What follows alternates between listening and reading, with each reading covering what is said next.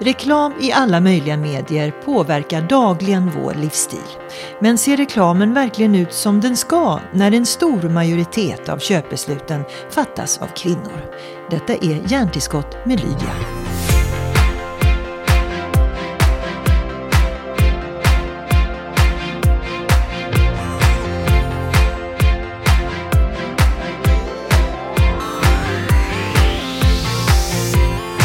Det är ju jätteroligt att du heter Noble and Night. Ja, vilken knasig kombination, eller Nej, bra kombination. Ja men det är bra, det är liksom både socker och, Ja. och florsocker på en gång.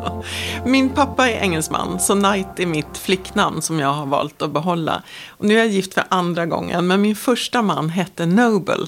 Eh, och så, jag använder inte det till vardags, men det kommer upp, har jag sett i mail, kommer det upp ibland och på mitt körkort. Alltså, det är ju mitt eh, riktiga fulla namn, men jag använder inte. Det blir så klumpigt. Ja, men jag tänkte så här, wow vilken eh, hit för en marknadsförare. Och heta Men det sådär. roliga är, när jag, ibland får man ju visa lägg när man handlar och sådär. Och när yngre personer tittar på mitt lägg så säger de Wow, är du en avatar i World of Warcraft eller någonting? Jag bara, nej det är mitt namn. Jag är på riktigt. Ja, och det är i alla fall jätteroligt. Men du, det är jätteroligt att prata om ditt namn, men det är inte bara det vi ska göra faktiskt. Ehm, eh, först tänkte jag faktiskt börja så här. Ehm, för att de som lyssnar ska förstå, kan man säga, relevansen i, i, i ämnet. Så hur mycket möts vi och hur mycket påverkas vi av reklam och marknadsföring egentligen i våra liv 2021? Mm. Kanske mer än vi anar. I, I vardagen när vi rör oss eh, ja, både i hemmet, lyssnar på radio, tittar på tv, är ute på nätet och, och surfar och även när vi rör oss i det offentliga rummet så möts vi av tusentals kommersiella budskap varje dag. Och mycket av det där blir nog omedvetet för att vi är så vana vid att ha det runt omkring oss. Men eh, så är det, tusentals budskap varje dag. Och jag vet ju att du är en Ita- Italien-fan, det kan vi prata om senare. Ja, gärna. Men jag kommer ihåg för många år sedan när jag åkte ner till Italien med mina föräldrar. Och så var det ju i många delar av Europa där man faktiskt satt och längtade efter reklamavbrotten. För det var som små filmer i sig. Och, och, och, och nu så har det ju hänt massor av saker. Då kan man ju nästan fråga direkt, har reklamen förändrats på något sätt? Eller har den sett ut pretty much the same under åren här? Ja, det är en jättebra fråga. Jag, om jag tittar tillbaka eh, liksom i mitt liv så vet jag att min inspiration till att jobba med reklamen kom från att jag satt på min fasters heltäckningsmatta ungefär fem centimeter från tvn i Yorkshire i norra England där hon bor och konsumerade engelsk reklamfilm för att den var så bra. Rolig, fyndig, välproducerad. Eh, och det hantverket, alltså kvaliteten i hantverket kan jag sakna lite grann idag när marknadsföringsbudgetar ofta har blivit mindre och man har krav på sig att producera eh, snabbare och väldigt mycket i sociala medier. Så att det har blivit snuttifierat kortare, 5 sekunder, 10 sekunder mot de här klassiska reklamfilmerna som ofta var 30 eller 45 eller till och med en minut långa och som var mer storytelling och mer hantverk. Så ja, jag tycker överlag kanske att det har förändrats och inte alltid till det bättre. Nej.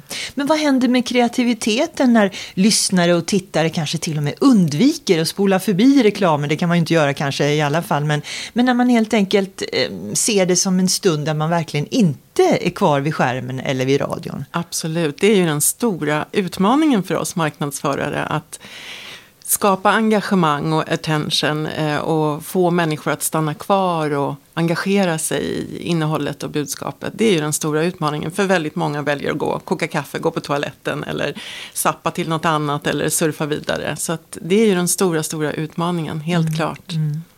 Men Kristina, ehm, du har ju varit i branschen 27 år. Du går mot tre decennier i både reklam och mediebranschen på olika sätt. Och så har du skrivit en bok som jag trodde inte behövdes faktiskt 2021. Eh, nämligen där du pekar på ojämställdheten på ett ganska sorgligt sätt ibland i vissa avseenden mellan män och kvinnor. Varför är det viktigt att, att prata om det nu? Ja, 27 år var det när boken kom ut första gången, 2013. Nu är det till och med 35 år i branschen. Eh, men kanske då lika sorgligt att boken fortfarande behövs. Den har kommit ut nu i en andra utgåva. Eh, och ja, men jag är väl fortfarande lite chockad och besviken över att att en sån här bok fortfarande behövs i modern tid. Jag som har vuxit upp i det här jämställda landet Sverige, utbildat mig på en reklamskola där vi var lika många pojkar som flickor i klassrummet. Och jag förväntade mig att komma ut i en ganska modern bransch. Reklambranschen har ju ändå liksom velat ligga i framkant och, och liksom vara modern och kreativ och, och innovativ. Och mitt första jobb var på en stor byrå där jag var den första kvinnliga kreatören och egentligen omgiven bara av vita män, medelålders eller ja, jag var 26 och jag tyckte de var lastgamla när de var 40. Ja, och nu pratar vi 80-tal, eller Ja, exakt, mm, mm. på mitten på 80-talet. Och jag tyckte det där var så märkligt för vi var ju lika många eh, kvinnor i utbildningen och vart tog alla de vägen? Jag såg hur mina klasskamrater från utbildningen försvann eh, från branschen helt och hållet eller alternativt lämnade sina jobb på byråer och började frilansa. Så ganska tidigt så eh, liksom identifierade jag att jag hade hamnat i en väldigt mansdominerad bransch där väldigt många kvinnor inte trivdes utan det var någonting som skavde. Och jag tänkte eh, med mitt oändliga tålamod att nej men det här kommer ju bli bättre. Det kommer ju såklart förändras. Och nu då klipp till 35 år senare. Och ja, mycket har förändrats. Mycket har blivit mycket, mycket bättre. Men vi är fortfarande inte jämställda. Och, och vad när vi menar jämställda, då menar du både som eh, i själva yrket på, eh, på byråerna.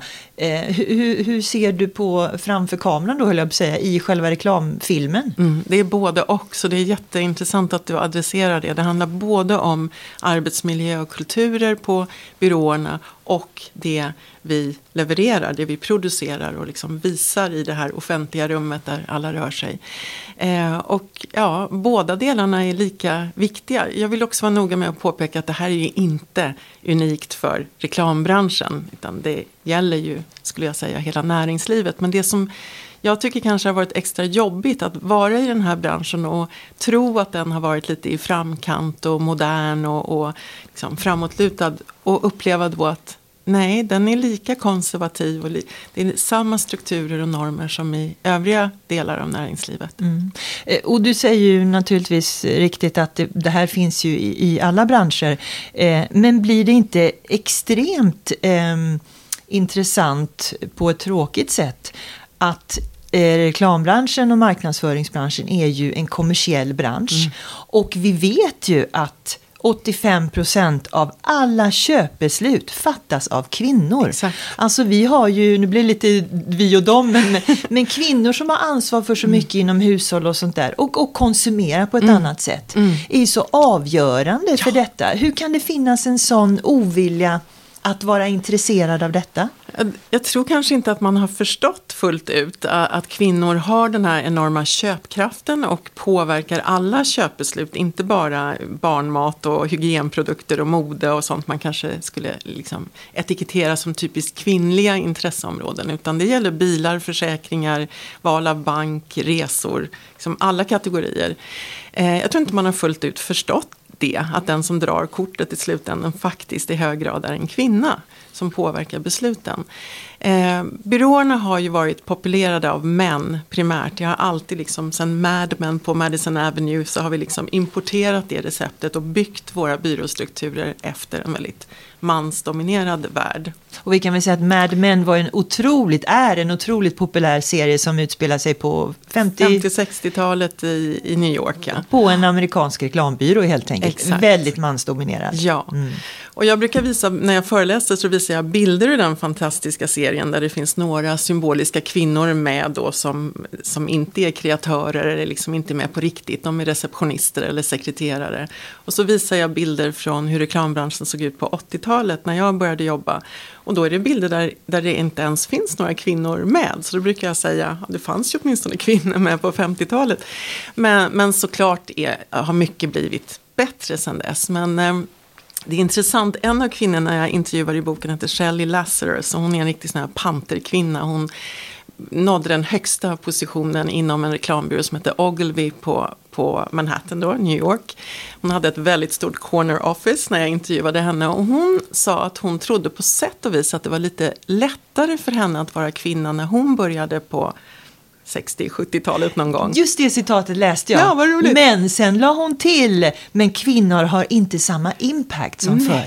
exakt. Och det där får du gärna förklara. Hur kan det vara lättare och samtidigt har det blivit sä- sämre för oss att påverka? Ja, hon upplevde att eftersom hon var den enda kvinnan i, i rummet så att säga så märkte hon att till syvende och sist liksom efter ett långt möte så vändes alltid alla blickar mot henne för att hon representerade den typiska konsumenten. Hon kunde uttala sig om, om diskmedlet och tvättmedlet och blöjorna och allt det där som hon konsumerade. Så hon blev lite av experten i rummet eh, när, liksom, när det kom till kritan.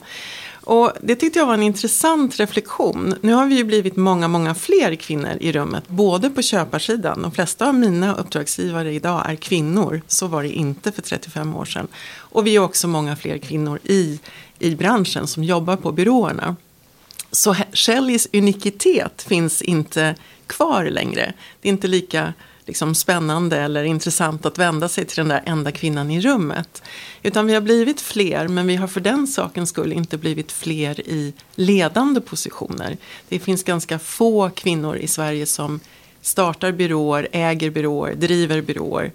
Och många styrelser och ledningsgrupper på byråerna är fortfarande illa populerade, alltså av ganska få kvinnor. Man brukar ju säga det, om man kommer som liten outsider in i en ledningsgrupp, oavsett jag menar, ålder, kön eller färg, om man är, inte är som de andra, då brukar man oftast bli lite mer som de andra per definition för att man vill smälta in. Kan det också vara problemet, att man, att man inte behåller sin egen unikitet? Ja, men jag tror många unga kvinnor när, när man börjar i branschen kämpar med att passa in. Det, det är väl ett, liksom ett mänskligt drag. Vi vill bli accepterade av flocken, vi vill passa in. Och strukturerna och normerna är ju väldigt grabbiga, liksom manligt definierade. Så då blir det ju att man försöker efterlikna det, för det är uppenbarligen eh, liksom, vägen till framgång. Och sen har jag identifierat att när det då inte riktigt lyckas, för att vi, det blir ju någonting som skaver när man försöker vara någon man inte är. Det försöker många kvinnor, jag själv inkluderad, kompensera genom att tömma diskmaskinen, fixa julfesten, eh, göra någons powerpoint-bilder åt någon annan. Alltså man försöker få uppskattning och acceptans genom att vara väldigt duktig. Så istället för att söka felen liksom, i strukturer och normer så söker man ofta felen hos sig själv och tänker ah, jag är nog inte tillräckligt kreativ men om jag är snäll och duktig och hjälpsam och fixar och grejar då kommer jag ju bli oumbärlig och omtyckt. Det här känns nästan som en omodern diskussion som eh, jag är häpen över att vi behöver. Och nu ska vi väl också tänka att det är inte bara Sverige vi pratar om, vi pratar om det här eh, finns ju ännu mer i, i Europa. Eh, och jag vet att du har ju mött, eh, bara för att återigen eh, ta upp Italien här, så har ju den italienska kul- kulturen kring den här branschen också en stor uppförsbacke. Både hur man ser på reklamfilmer och hur man gör reklamfilmer. Ja men absolut. Men det vi adresserade förut att det handlar både om den arbetsmiljö man skapar men också om, om det content, det, det material man producerar i reklamen. Och där ser vi ju mycket mer sexistisk reklam i Sydeuropa än vi gör, tack och lov, i Skandinavien vid det här laget. Och en av intervjuerna i, i den nya utgåvan är just med en italiensk kvinna för att jag var jätteintresserad av att höra hennes tankar kring liksom, hur bryter man sig loss ur det här stereotypa reproducerandet av liksom, sexistiska normer och, och, och eh, ja, karaktärer, stereotyper. Och hon menade ju, eh, att ledarskapet är så extremt viktigt. Att ledarskapet på en byrå måste vara uppblandat av kvinnor och män från olika bakgrunder och, och erfarenheter för att få många blickar på någonting. Att, att en kvinnlig CD kan komma in i ett rum och titta på ett jobb och säga men hur tänkte ni här? Varför har ni fotograferat den här kvinnan på det här viset?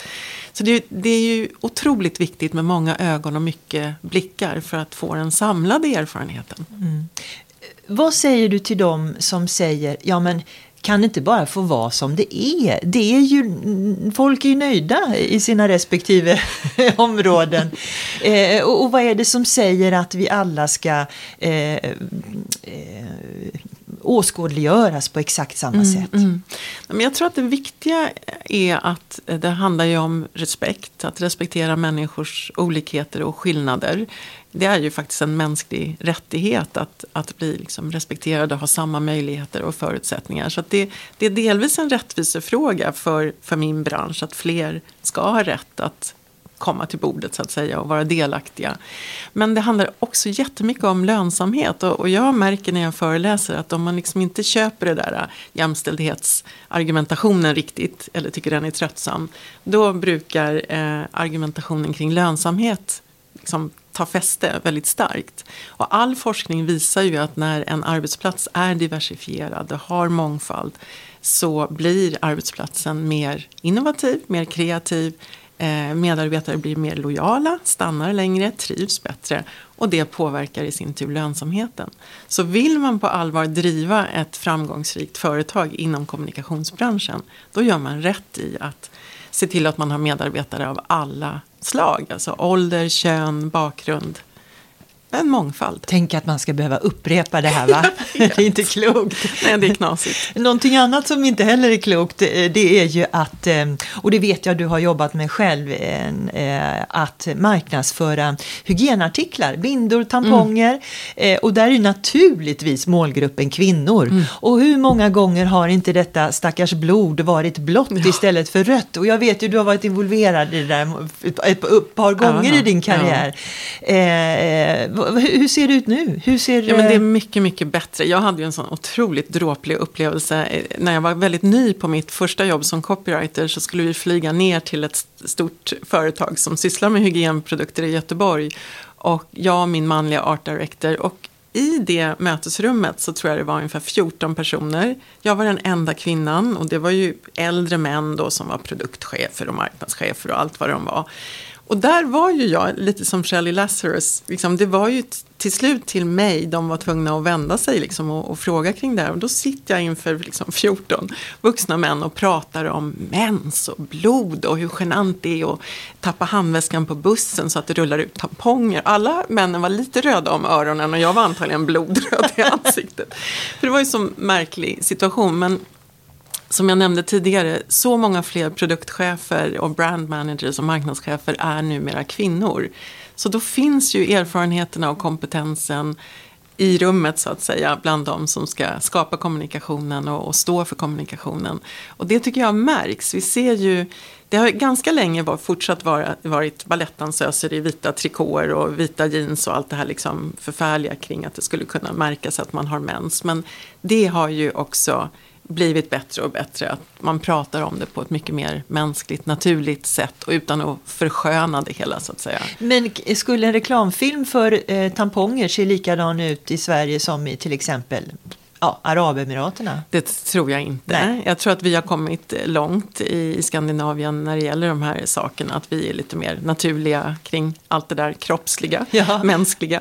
Du, jag tänker det här med, med eh, hygienartiklar och mens och så vidare har, har, ju varit, har, har ju genomgått en resa och nu säger du är det ju mycket bättre än hur filmerna såg ut från början. Vad finns det mer för ämne som, som fortfarande behöver liksom komma loss i detta? Mm. Jag tycker ålder är jätteintressant och där ser man att det har börjat hända saker både i filmindustrin i Hollywood att, att man faktiskt fortfarande inte i tillräcklig utsträckning men ändå ser äldre skådespelerskor som fortfarande får roller. Judi Dench och Meryl Streep Alltså de är ju inte många, men det är en rörelse mot ett intresse för eh, äldre kvinnor. Och, och eh, det har såklart också ett kommersiellt syfte, för vi vet att det är de här seniora kvinnorna som är de köpstarka kvinnorna. Kvinnor lever ofta längre än män, de ärver sina män, de får liksom en dubbel ekonomi i många fall. Så det finns ju såklart en, en kommersiell medvetenhet om att det här är viktiga köpstarka grupper. Och detsamma gäller i reklamen. Så vi ser fler och fler seniora kvinnor dyka upp som fotomodeller och som spokespersons för produkter och tjänster. Så där tycker jag att det är intressant att se att det har hänt något de senaste åren. Där jag fortfarande tycker att det är eh, eh, ska jag säga, skamligt dåligt eh, när det gäller representation. Det är dels etnicitet. Att när vi ser människor av annan hudfärg eller annan bakgrund dyka upp i reklamen så är den ofta eh, en stereotyp närvaro. Det är den roliga lilla mannen från Mellanöstern. Eller det är den liksom, eh, erotiska, exotiska svarta mannen. Det är väldigt stereotypt. De är inte närvarande bara för att de är en konsument som vill köpa en försäkring eller hundmat. Utan de är där i någon slags symbolisk närvaro. Där har vi jättelångt kvar att liksom jobba med det på ett naturligt representativt sätt. Och det andra är eh, funktionshindrade människor eller funktionsvariationer ska vi prata om. Där vi också väldigt sällan ser att människor med funktionsvariationer är närvarande bara för att de råkar vilja köpa träningskläder eller äta någon särskild mat eller vad det än är. De är ofta där mer symboliskt för att de sitter i en rullstol eller har någon annan variation. Så där har vi också jättelångt kvar. Och den här representationen är ju jätteviktig. Jag såg en ljuvlig bild för en tid sedan, jag tror att den var tagen på ett varuhus i England, när en liten pojke, kanske 7-8 år gammal, sitter i en rullstol på en barnklädesavdelning. Och reklamen på väggen ovanför där alla kläder hänger är en liten pojke som sitter i en rullstol. Och bara det, att få se sig själv, att kunna spegla sig själv, se sig själv och veta att man finns och är okej. Okay, är så otroligt viktigt. Och vi ser ju det alldeles, alldeles för lite. Vi, du och jag har ju växt upp med någon slags Barbie-docka-ideal hur man ska se ut. Eh, jag kom på mig själv när jag gick förbi ett skyltfönster, jag tror det var Lindex för ett par år sedan, där de hade valt att göra skyltdockorna lite, lite mulligare än vanligt, alltså marginellt. Och att jag hejdade mig själv i steget och tänkte, gud vad tjocka de är. Och sen tänkte jag, men gud vad hemskt att jag reagerar så. Men det är ju för att jag är uppvuxen med det här mannekäng, Barbie-idealet, hur man ska se ut. Så att det finns så himla mycket att göra i representation av människor. Eh, att göra det med respekt och spegla hur det faktiskt ser ut mm. i samhället. Nu när du säger det så var jag på Stadium häromdagen mm. och eh, såg en väldigt kraftig skyltdocka i tights. Ah, eh, och jag vet att jag tittade och tänkte, fasen det där var coolt. Ja. Eh, för de, som du säger, det har varit väldigt stereotypt. Jag, jag, jag, tänker oavsett etnicitet eller funktionsvariationer så det som är gemensamt för alla de här grupperna det är ju åldern. Alla blir mm. ju förhoppningsvis äldre. Ja. ja. Hur lång tid tar det innan detta slår igenom som någonting kommersiellt gångbart? För som du säger, om, vi, om man går in på Statistiska centralbyråns hemsida då ser man ju befolkningen som en mage, du vet. Eh, och vi har ju rätt många 25-26-åringar, men det är rätt många brudar i din och min ålder också. eh, när slår det här igenom så att det blir så att vi ser profiler och får förebilder i mm. olika sammanhang? Mm. Jag tycker just när det gäller ålderismen så tycker jag vi är på god väg. Vi har en ganska bra debatt i Sverige nu om ålder och senioritet och hur länge man får och kan och vill jobba. Och vi ser, eh, nu har ju tv plockat bort många av de här äldre hallåorna och, så som du och jag växte upp med. Men jag märker att nu är debatten igång och just i reklamvärlden så väljer man ju ofta seniora personer, eh, äldre fotomodeller och inte retuscherar bort deras rynkor eller liksom deras, eh, deras tecken på senioritet. Så där tycker jag att vi är på gång och jag förväntar mig att det bara ska bli norm. Liksom, att, vi, att det inte blir en backlash på det. Men sen som sagt då, när det gäller etnicitet och de här eh, andra frågorna så tror jag tyvärr att vi har en ganska lång väg att gå. Och den vägen kommer bli kortare om reklambyråerna välkomnar en större mångfald i, bland sina medarbetare. För har man en funktionsvariation eh, bland sina medarbetare eller en person av annan hudfärg eller etnicitet så kommer det ju finnas någon i rummet som säger, vet ni vad? Varför väljer vi inte en tjej i rullstol här? Varför skulle det inte kunna vara det? Eller varför skulle det inte kunna vara en, en man av en annan hudfärg? Varför är det en vit man här? Och så vidare. Så man behöver ha närvaron av andra perspektiv för att liksom, bli lite hejdad i... Vi, vi, faller ju så himla lätt in i stereotyper. Mm. Eh, så att vi behöver fler ögon som hejdar oss. Och, och det här är ju ett av FNs hållbarhetsmål. jämställdhet på alla olika fronter. Men jag tänker eh, hela den här diskussionen och hela den här debatten som du nu har eh, eld, eh, eh inte eldat upp, den jo, finns ju. Ja, jo då, okej då. Eh, du var ju faktiskt på väg ut i någon slags världsturné här med, med att prata om detta. Vad, eh, vad vill du åstadkomma? Jag, när jag började skriva boken, vilket jag gjorde eh, sommaren 2010 i Italien faktiskt, vid ett litet skrangligt skrivbord i Ligurien i norra Italien, då var min drivkraft att egentligen få utlopp för min egen frustration, för då hade poletten trillat ner ordentligt kring att vad fasiken, liksom, har vi inte kommit längre? Alla böcker jag läste om marknadsföring var skrivna av män. Och jag kände det finns ju så många kvinnor i branschen. Varför delar inte vi våra erfarenheter och våra stories? Så kände jag, ja, då, får jag väl, då får väl jag skriva den boken då. Och så började jag skriva den och kände att jag ville intervjua eh, bra förebilder över hela världen för att kunna ge den här boken som en gåva till den yngre generationen primärt kvinnor men även män som kommer efter mig för att säga ni behövs. Ni är avgörande för att den här branschen ska bli mer diversifierad, diversifierad mer relevant helt enkelt och framgångsrik. Så det började så, som en gåva till till kvinnor som kommer efter mig. För jag har pratat med så många unga studenter när jag föreläser. Jag har i mitt förord i den nya utgåvan en liten anekdot om hur jag föreläste i Bogotá i Colombia för ett, eh, ett stort auditorium. Och när jag var klar och gick ut ur den här föreläsningssalen så kom det en ung flicka springande med tårar i ögonen och sa jag, jag måste få prata med dig. Ja, vad är det, sa jag. Ja, men du stod på scen och berättade min historia. Allt det du sa var precis vad jag har upplevt som ung art director på en byrå här i Bogotá. Och när det var sån här frågestund efter din föreläsning så ville jag räcka upp handen och ställa en fråga. Men jag vet, om jag hade gjort det så hade alla mina manliga kollegor som jag satt med då hade de retat mig forever för att jag skulle prata jämställdhet. Så vi var till slut i tårar båda två. Och jag känner att den, den connection som jag kan få med den yngre generationen eh, den är så värdefull för mig och det är egentligen det jobb jag vill att den här boken ska uträtta. Att man ska känna sig inspirerad och stärkt. Man ska upptäcka att det man själv går omkring och känner och kanske känner sig nojig kring. Du vet, man ifrågasätter ju lätt sig själv. Jag kanske inte är så kreativ, jag kanske inte passar i den här branschen. Då vill jag att man ska förstå att det är inte ett individproblem, det är ett strukturproblem. Och när man väl känner igen sig i det, lite grann som jag tror många kan ha känt igen sig i metoo-rörelsens alla eh, liksom, vittnesbörder.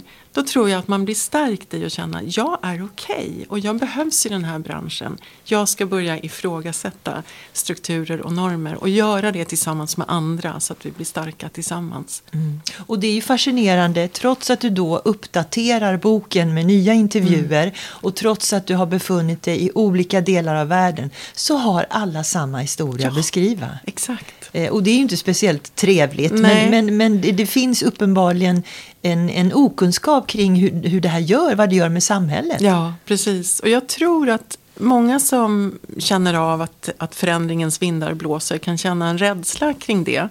Eh, jag tror rädsla är en, liksom en bromskloss. Man kan vara rädd för att förlora den makt man eventuellt har. Man kan vara rädd för förändring. Det är ju vi människor ofta. Att man vet vad man har men inte vad man får. Men jag brukar säga att tårtan blir inte mindre i sig för att fler delar på den. Det blir ett roligare tårtkalas om fler får äta tårta. Så man ska inte vara rädd för förändringen. Och vi vet ju att all forskning visar att mångfald ger ökad innovation, kreativitet och lönsamhet. Så det blir en win-win situation för alla inblandade. Det blir en roligare arbetsplats att gå till. Inte så konsensusdriven, och vi i Sverige är ju väldigt konsensusdrivna. Det blir stökigare när det kommer människor som inte har samma skor, samma frisyr, samma bakgrund och tycker samma sak om allting. Så processen kommer att bli lite mer stökig. Men den är värd resan. För at the end of the day så kommer man ha lyft på fler stenar, fått fler perspektiv och en mycket rikare och roligare arbetsplats. Så man måste släppa den här rädslan. Det kan också bero på okunskap tror jag. Vad, vad handlar det där med jämställdhet om egentligen och vad innebär det? Att det kan verka svårt och komplicerat och utmanande och då måste man våga ta hjälp. Det finns jättemånga duktiga coacher och konsulter och människor som jobbar med mångfaldsfrågor. Som man kan ta till arbetsplatsen? Ja, som man tar och informerar sig själv, blottar sig själv som ledare och säger jag har förstått att det här är viktigt, jag vet inte riktigt hur det ska gå till, jag förstår att man ska göra lönekartläggningar och allt det här men nu gör vi det här tillsammans, nu lär vi oss tillsammans. Det är tillgängligt och ofarligt och det lönar sig. är det skillnad på manlig och kvinnlig kreativitet? Jag vill inte tro att det är det egentligen. Jag, jag tror att det kan skilja sig åt för att vi har olika erfarenheter i, i våra liv och går igenom olika saker. Och, och, det kan finnas skillnader i humor har jag ofta känt att grabbarna samlas runt datorn när någon manlig CD ropar till sig alla sina manliga kollegor och så står de och skrattar åt någonting. Och vi kvinnor har nog ofta känt, mm -hmm, var det där kul? Och vi förväntas liksom skratta åt samma, kanske lite grabbiga skämt. Men jag tänker att det funkar åt andra hållet också. Att det som vi kvinnor kanske skrattar åt tycker de inte är roligt. Nu generaliserar jag grovt, men jag tror att det finns skillnader i humor och synsätt därför att vi har helt olika erfarenheter mm. av att leva som man eller kvinna. Och det är ju det fina i kråksången, att vi tillför olika saker. Vi behöver inte skratta åt samma skämt, men vi behöver respektera att man kan skratta åt olika skämt. Och när man ser i det här allt det du säger i kontexten av att reklam och marknadsföring och media kan påverka samhällen beroende på hur de ser ut. Eh, Sydafrika är bara ett sånt exempel. Du har ju träffat mm. en en fantastisk kvinna i Sydafrika ja. också som förklarar detta. Hur, hur, och hur, hur detta också har, har förändrat. Men, men ser du någon eh, någon, någon, har du någon vision om att om tre, fyra år då ska det se ut på det här sättet? Alltså går det att mäta hur man kan förändra? Ja, det går att mäta. Vi, vi tittar ju till exempel på hur branschen utvecklas när det gäller löner. Och där är det fortfarande löneskillnader men de är mindre än de var för några år sedan. En kvinnlig CD, alltså en creative director som jag jobbar som, tjänar i snitt 9% mindre än en manlig CD-kollega idag, 2021. Det finns ju inga skäl till det. Det är faktiskt otroligt. Ja. Och i snitt eh, i branschen har man tittat på att kvinnor i reklambranschen tjänar 4 800 kronor mindre i månaden än sina manliga kollegor. Eh, då har man liksom ett, tagit ett snitt. Och det innebär ju en, en mindre pension, en Ja, och så vidare. Så att, och det är ju helt bisarrt att det ska vara så 2021.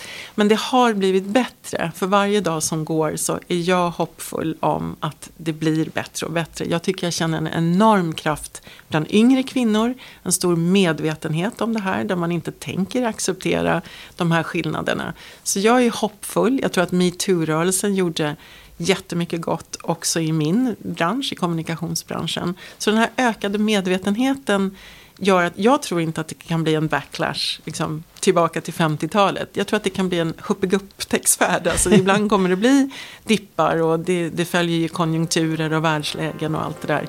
Men eh, jag tror inte att det kan bli en fullständig backlash utan jag är positiv och optimistisk att det går framåt. Det går för långsamt men det går framåt. Tack så mycket Kristina för att du kom hit. Tack så jättemycket själv.